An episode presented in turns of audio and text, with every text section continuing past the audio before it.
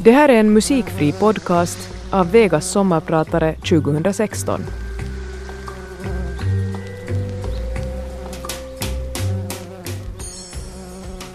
Vi ålänningar är känsliga när det kommer till omvärldens uppfattning om oss.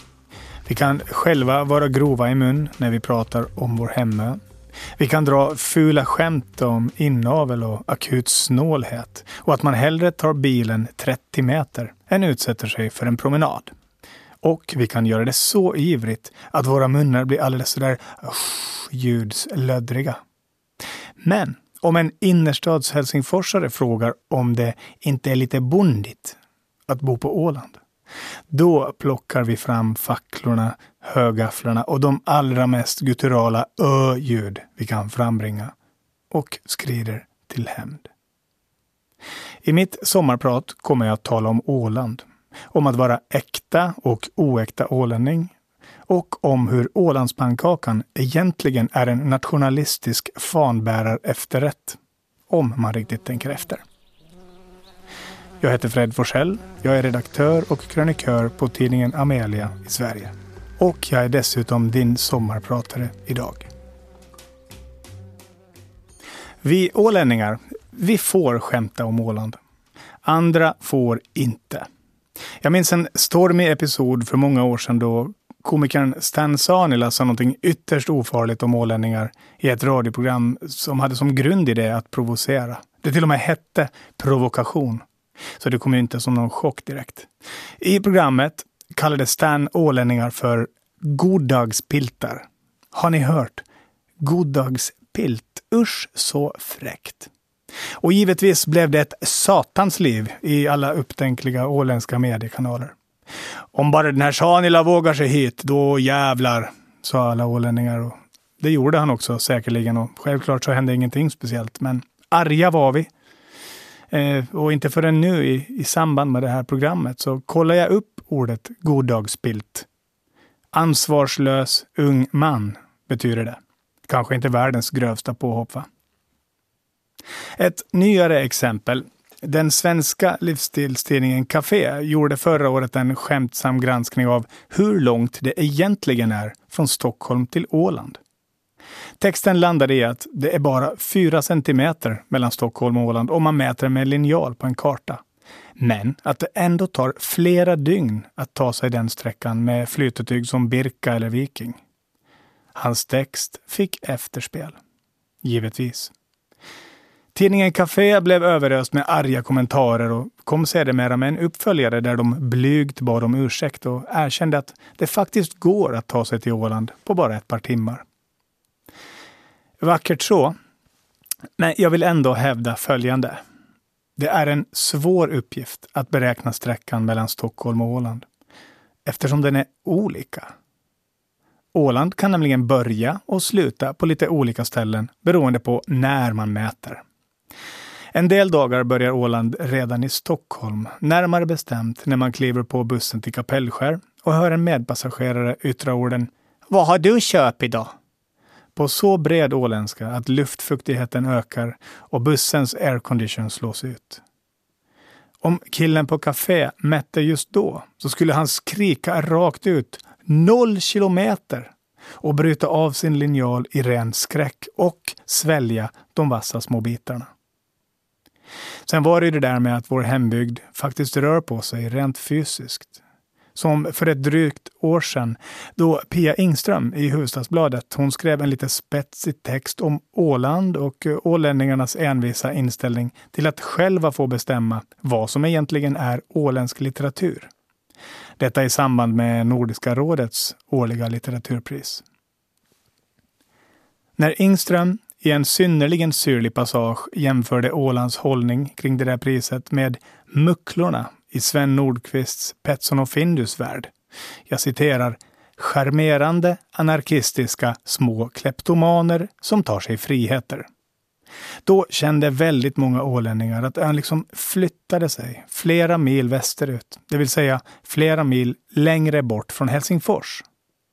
Om en normalbyggd person hade stått i Grisslehamn nära Norrtälje och kastat sten, då hade stenarna dunsat ner i min kompis Håkans trädgård i Eckerö på västra Åland. För Pia tog sig friheten att skoja med ålänningarna. Och eftersom Pia själv inte är ålänning så var det ingen på ön som skrattade.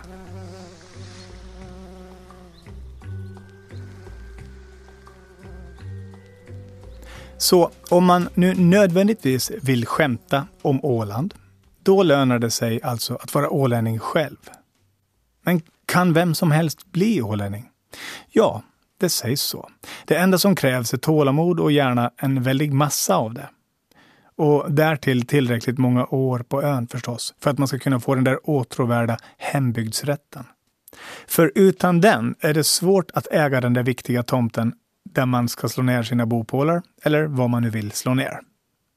Men sen kan man ju ha det som Vladimir Putin, som genom slumpens försyn och lite olika byråkratiska irrvägar visade sig vara ägare av en liten tomt i Saltvik, en av Ålands nästan hundra kommuner. Nej, 16 kommuner finns det. Jag skojar. Ni ska inte tro på allt jag säger riktigt. Vladimir Putin visade sig alltså vara ägare av en tomt på Åland. Det är det viktiga här. Ni kanske har hört talas om det. Och då kanske man tror att man har sitt på det torra när man har den där markbiten. Men så enkelt är det inte att bli ålänning. Här är några välvilliga ord från mig till den ryske statsmannen inför hans stundande åländska status. Och du som aspirerar på att någon gång bli ålänning, du kan också lyssna nu och ta till dig. Hej Vladimir! Hur är läget? Äsch, jag skippar de fåniga artighetsfraserna och går direkt till saken. Jag hörde att du äger en tomt på Åland. Grattis! Du kanske tror att det svåra är över nu när du väl har liksom krånglat in dig i åländskheten sådär lite bakvägen. Men det är fel, ser du. Det är nu det svåra börjar. Ålands birdie, det kan vem som helst bli. Det räcker med ett förfluget ord i pressen eller ett snabbt “jag har åkt stealthflyg över Bomarsund” i mungipan som nästan ingen uppfattar. Men om du räknar med att någon gång kunna nyttja den där tomten på allvar, liksom gå omkring och vara ålänning nästan på riktigt och röra dig obehindrat bland lokalbefolkningen i hängselbrallor och bara överkropp, då krävs det lite mer. Eller för att vara ärlig, det krävs mycket mer för att du ska kunna bli Saltviks Vlasse med en hel by, eller på sikt ett helt örike. För det första, du ska inga tro något. Det spelar ingen roll att du är en maskulint hotfull man som smeker kärnvapen, tämjer lejon och annekterar halvöar hela dagarna. Ingen kommer ändå att bli speciellt upphetsad över din närvaro. Folk kanske blänger lite på dig när du kliver in på matkroken i Saltvik för att fylla på ditt chipsförråd. Men det är mer troligt att det beror på att du har ställt bilen snett över två parkeringsplatser än att du är en av världens mest skrämmande despoter. För det andra, du ska inga tro något. Du kanske tycker att du har mycket vapen till ditt förfogande, att du liksom har en hel arsenal, att du skulle kunna utrusta en armé. Hm. Välkommen till Åland, säger jag bara. Möjligen höjer du snittet för antal skjutjärn per capita om du tar med dig ett litet närstridsförband. Men vill du att folk ska höja på ögonbrynen, då krävs det att du har en långdistansrobot på trailern när du rullar in i byn. Och ledsen, men det är mycket möjligt att folk ändå är mer intresserade av var du har hyrt släpet och vad det kostade och om de kanske kan få låna det över helgen. För det tredje, du ska inga tro något. Du kanske tror att du är tuff för att du har handskats med tjetjenska krigsherrar. Men se du, om du vill börja bygga grejer på den där tomten, då kommer du att behöva möta nämnder som ska granska och godkänna dina ritningar. Nämnder som kanske inte riktigt kan komma just nu. Nämnder som kanske har mycket snävt tilltagna telefontider, Vlasse. Minsta noise från din sida och vips så har handläggningstiden ökat från en månad till två.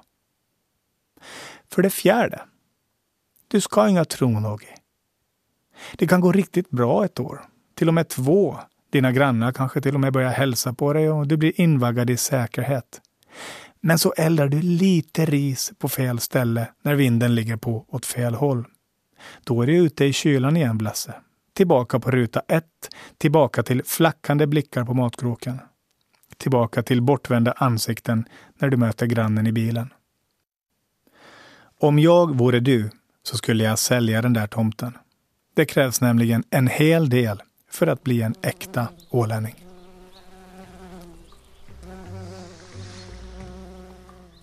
Men är jag en äkta ålänning då? Jag vet inte. Men jag vill gärna prata lite om ordet äkta i ett sådant sammanhang. Om jag ligger på ett operationsbord med en svår, ful svulst i magen och mitt enda hopp om fortsatt överlevnad är att den tas bort på ett proffsigt sätt av en flyhänt och säker kirurg. Om jag ligger där med dödsångest, omgärdad av slangar, steriliserade instrument och maskiner som säger ping, då vill jag verkligen inte höra kirurgen mumla ett osäkert hmm, jo, det var en sak, jag är ju ingen äkta kirurg, jag är ju egentligen grävmaskinist. Där bakom sitt blågröna munskydd. Eller om jag går på restaurang och beställer en härlig tjock bit äkta oxfilé. Då vill jag inte, mitt i en särdeles saftig tugga, få reda på att köttet i själva verket består av 40% gråsugga och nagelband. Och när jag köper en bil, då vill jag att plåten ska vara äkta plåt. Jag vill inte sätta mig i en bil som vid en kollision visar sig vara tillverkad av balsaträ och vass. Även om en så lätt konstruktion förmodligen skulle innebära rejält sänkta bränslekostnader. Det är tre fall där äktheten känns hyfsat viktig. Men i övrigt tar jag avstånd från uttrycket äkta ålänning. Oavsett om det används i småbruna knutpatriotiska populistiska sammanhang, vilket ju tyvärr sker rätt ofta numera, eller på ett mer lättsamt sätt som hur en äkta ålänning egentligen tillreder sin Ålandspannkaka. Mer om det snart förresten. Så tar jag avstånd från det nu. Jag känner trötthet. Äkta trötthet. För den centrala frågan är inte, kära knutpatrioter, vem som är äkta och vem som inte är det. Den centrala frågan, kära knutpatrioter, är varför är det viktigt? Varför är det viktigt att vara en äkta ålänning? Eller för den delen en äkta kvävlaxbo eller en äkta helsingforsare eller en äkta finländare? Kan man inte få vara den man är och sen råkar man bo någonstans? Det har hänt några gånger genom åren, eller faktiskt rätt många gånger, att den malande, sövande, idiotiska debatten om åländskhet och äkthet har rullat igång.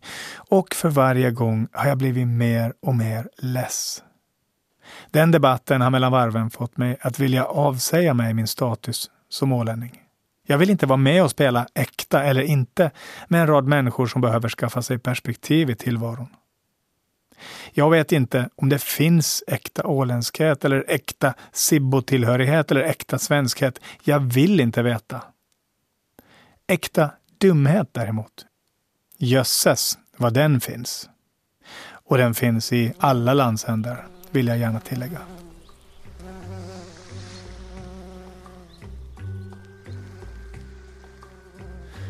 Okej, okay så jag hade kanske tagit ett par glas vin mer än jag borde. Sånt händer. Och kanske händer det lite för ofta, men oavsett. Det var inte frågan om någon oredighet. Nej, inte alls. Det var mer ett tillstånd av ökade energinivåer. Ni vet när man liksom är på topp, både vad gäller argumentation och tankeförmåga. Man blir skarp och smart, det tycker man i alla fall. Och det var då frågan dök upp, alltså frågan om hur man egentligen tillreder en äkta Ålandspannkaka. Ja, den frågan igen. Så. Jag smackade lite med munnen. Såg till att få igång salivproduktionen, för man blir lätt lite torr i munnen när man sitter och smuttar rödvin en hel eftermiddag. Och sen svarade jag. Jag orkar inte, sa jag. Jag orkar fan inte bry mig om äkta Ålandspannkaka. Jag skiter väl i det. Kan folk bara sluta vara så löjligt stolta över sina hembygdsostar och hembygdskorvar och hembygdsbröd och hembygds fucking pannkakor? Det är ingenting annat än rasism sa jag. De andra i vardagsrummet, de verkade inte övertygade. Inte alls. Ja, Ålandspannkakan är rasistisk, framhärdade jag.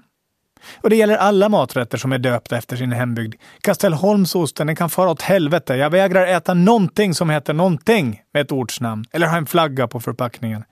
Jag tänker bara äta saker som heter ost och korv och pannkaka. Heter den gotländsk ostkaka kan den också dra åt helvete. Jag vägrar vara stolt över stoppad korv bara för att den har ett kommunvapen på omslagspappret. Mat är politik.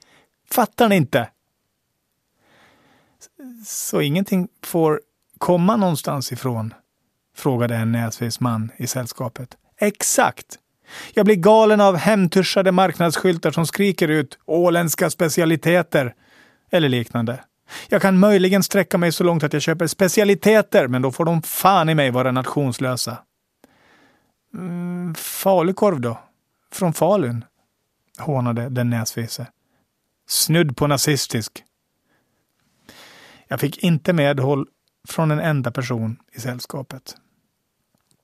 Och jag måste ju ge dem rätt. I efterhand kan jag också tycka att det var onödigt av mig att dessutom känna skadeglädje över den där historien med Ålandspannkakan. Alltså episoden där en krögare blev anklagad av en missnöjd kund för att inte veta hur man tillreder en äkta Ålandspannkaka. Kunden hävdade att hon bara fått brun sörja på tallriken. Krögaren hävdade att hans bruna sörja aldrig tidigare hade fått klagomål och sen kom polisen. Det är faktiskt sant. Polisen fick gå in och medla i en pannkaketvist på Åland för ett par år sedan. Jag kan erkänna att jag tyckte det var lite rätt åt Ålandspannkakan, den stöddigaste av präktiga åländska specialiteter, att få sitt varumärke tilltufsat i pressen. Ja, det är klart att jag överdriver. Men det är inte mitt fel. Så här blir man när omvärlden är sjuk. Norge har släppt in extremister i sin regering. SD är tredje största parti i Sverige. Finland är en skam på så många sätt att man inte ens orkar läsa Husis längre. Gränser stängs och bevakas trånsjukt. Allt går åt fel håll. Och givetvis är jag en idiot som överreagerar när jag tar ut min hämnd på lokala delikatesser. Men så länge som så många andra underreagerar då får jag väl vara en idiot som sitter där på min kammare och äter korv, ost och kött utan flaggor på paketet och utan smak.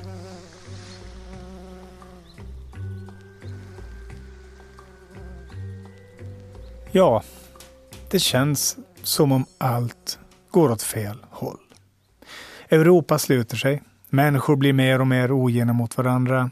Knutpatriotismen har blivit upphöjd till rikspolitik. Men det kunde vara värre.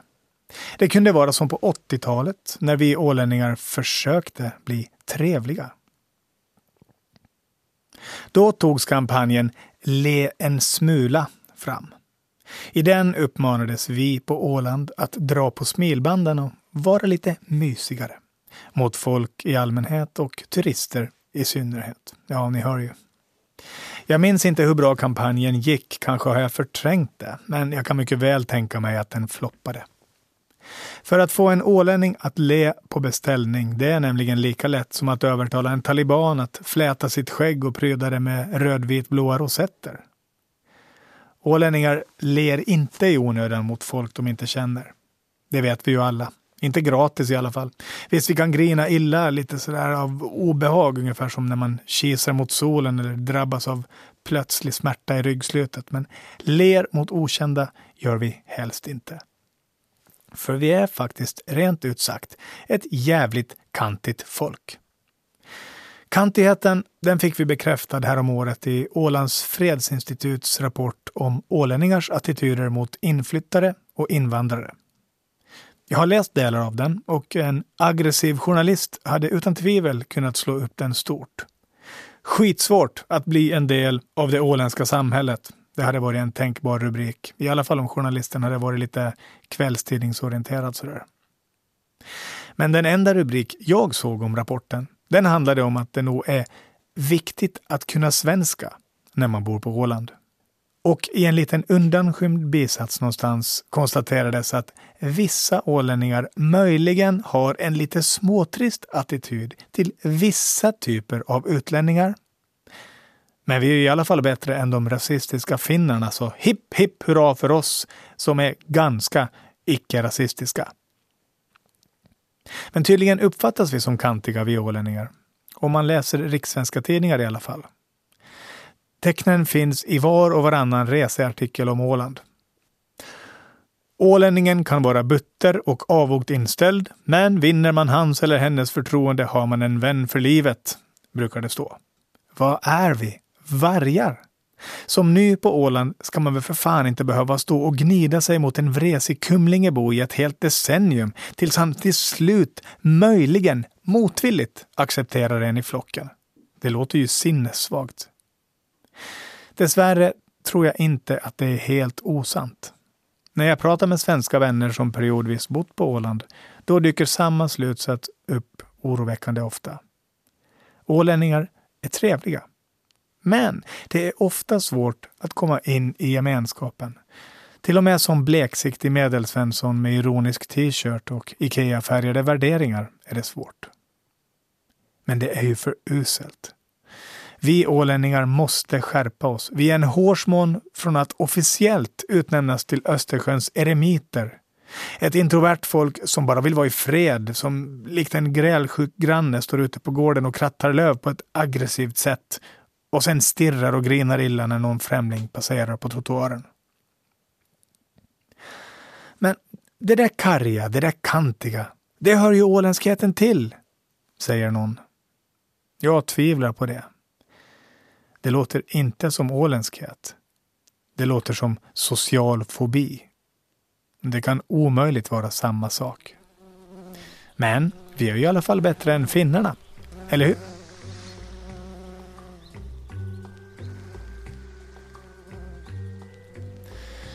Finnarna, ja.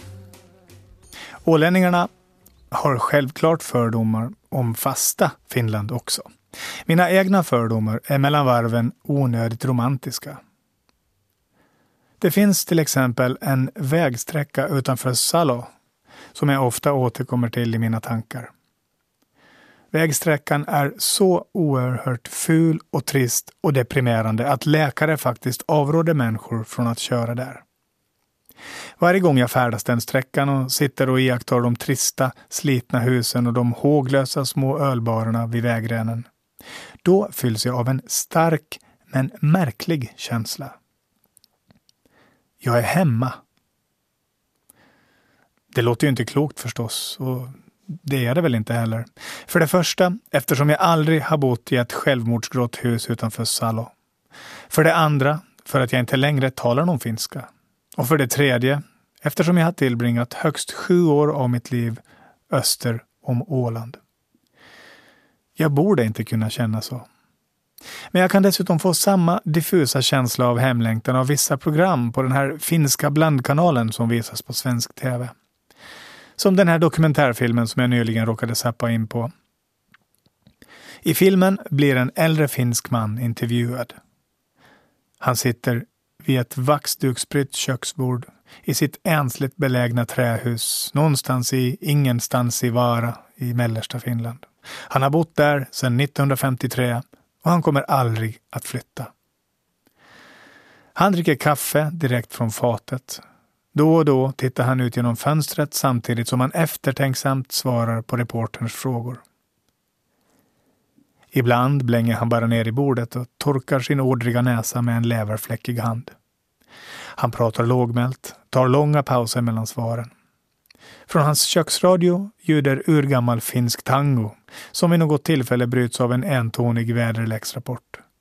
De skarpa finska essen skär genom tystnaden i det omoderna köket. Då och då kryddas intervjun av inklippta bilder på mannen när han vaggar fram i regnet ute på sin stora gård. Han går in i ett uthus och kommer ut med en yxa. Sen hugger han lite ved han stannar upp ibland för att torka den stora träiga näsan. Jag lyckas snappa upp enkla fraser, korthuggna konstateranden från mannen. Han säger att man vänjer sig och jag är gammal, jag ska inte klaga. Och så musiken till tangon från radion. Jag blir helt förhäxad. Det är vackert, vemodigt, antagligen oerhört stereotypt och förnedrande för hela det finska folket, men jag struntar i det. För jag älskar när de intervjuar ensamma finnar som vaggar omkring på sina gårdar och säger att Jo, visst blev det ensamt när Kyllikki dog och ibland spelar de en fin bit på radion. Det är väl något slags sällskap. Det är underbar tv. Den får mig att vilja hugga ved med den där mannen. Att hänga med på hans eländiga lördagsdanser då han vattenkammar och parfymerar sig, trots att han för länge sedan gett upp allt hopp om nytt sällskap på livets sluttamp. Och trots att hans enda danspartner är döv och enbent och råkar vara hans bror. Den där vägsträckan utanför Salo och de där tv-programmen de ger mig ibland känslan av att mitt liv i Sverige och på Åland bara har varit en parentes. Och att jag en dag kommer att återvända till mitt riktiga hem. Det fula men vackra Finland. Där jag slår mig till ro i ett slitet grått hus med mitt goda kaffe och min yxa och min radio som enda sällskap. Frågan är bara vad min älskade sambo Elin i Stockholm ska tycka om det.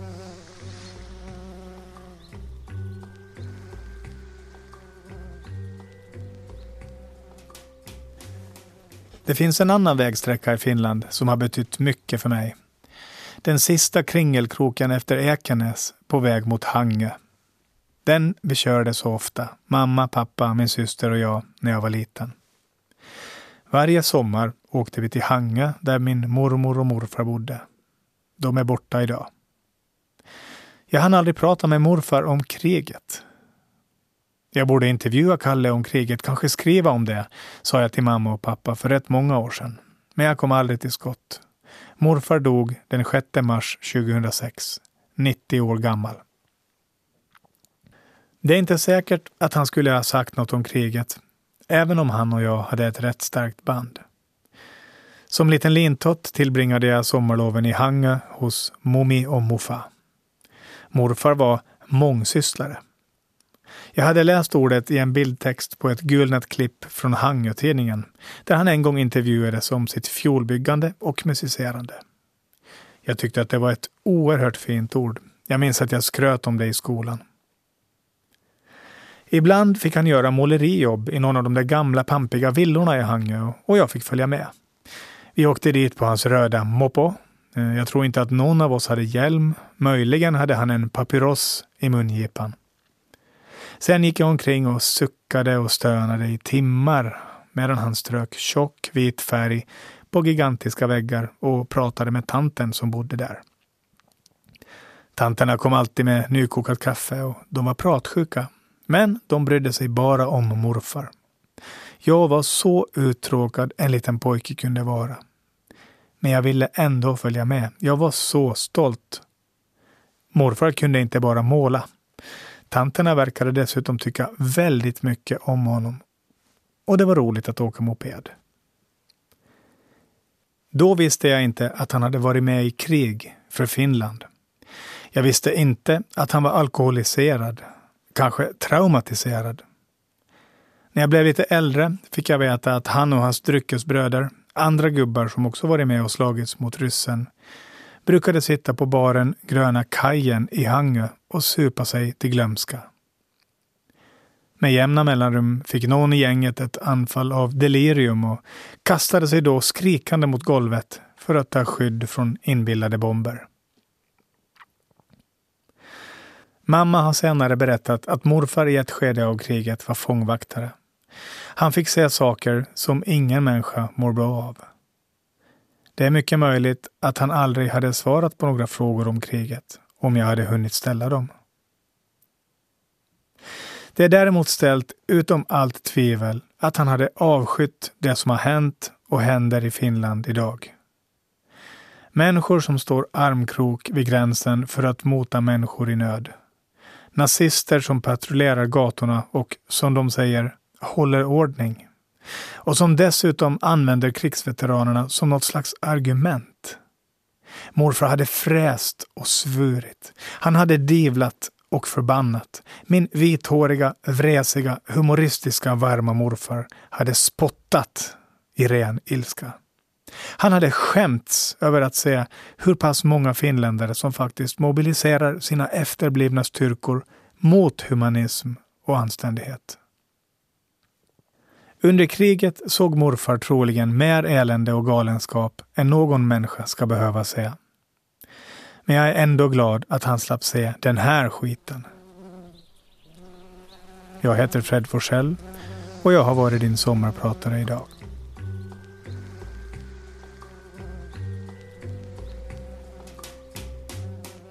Sommarprat i Radio Vega. Varje vardag klockan 10.03 och klockan 18.03.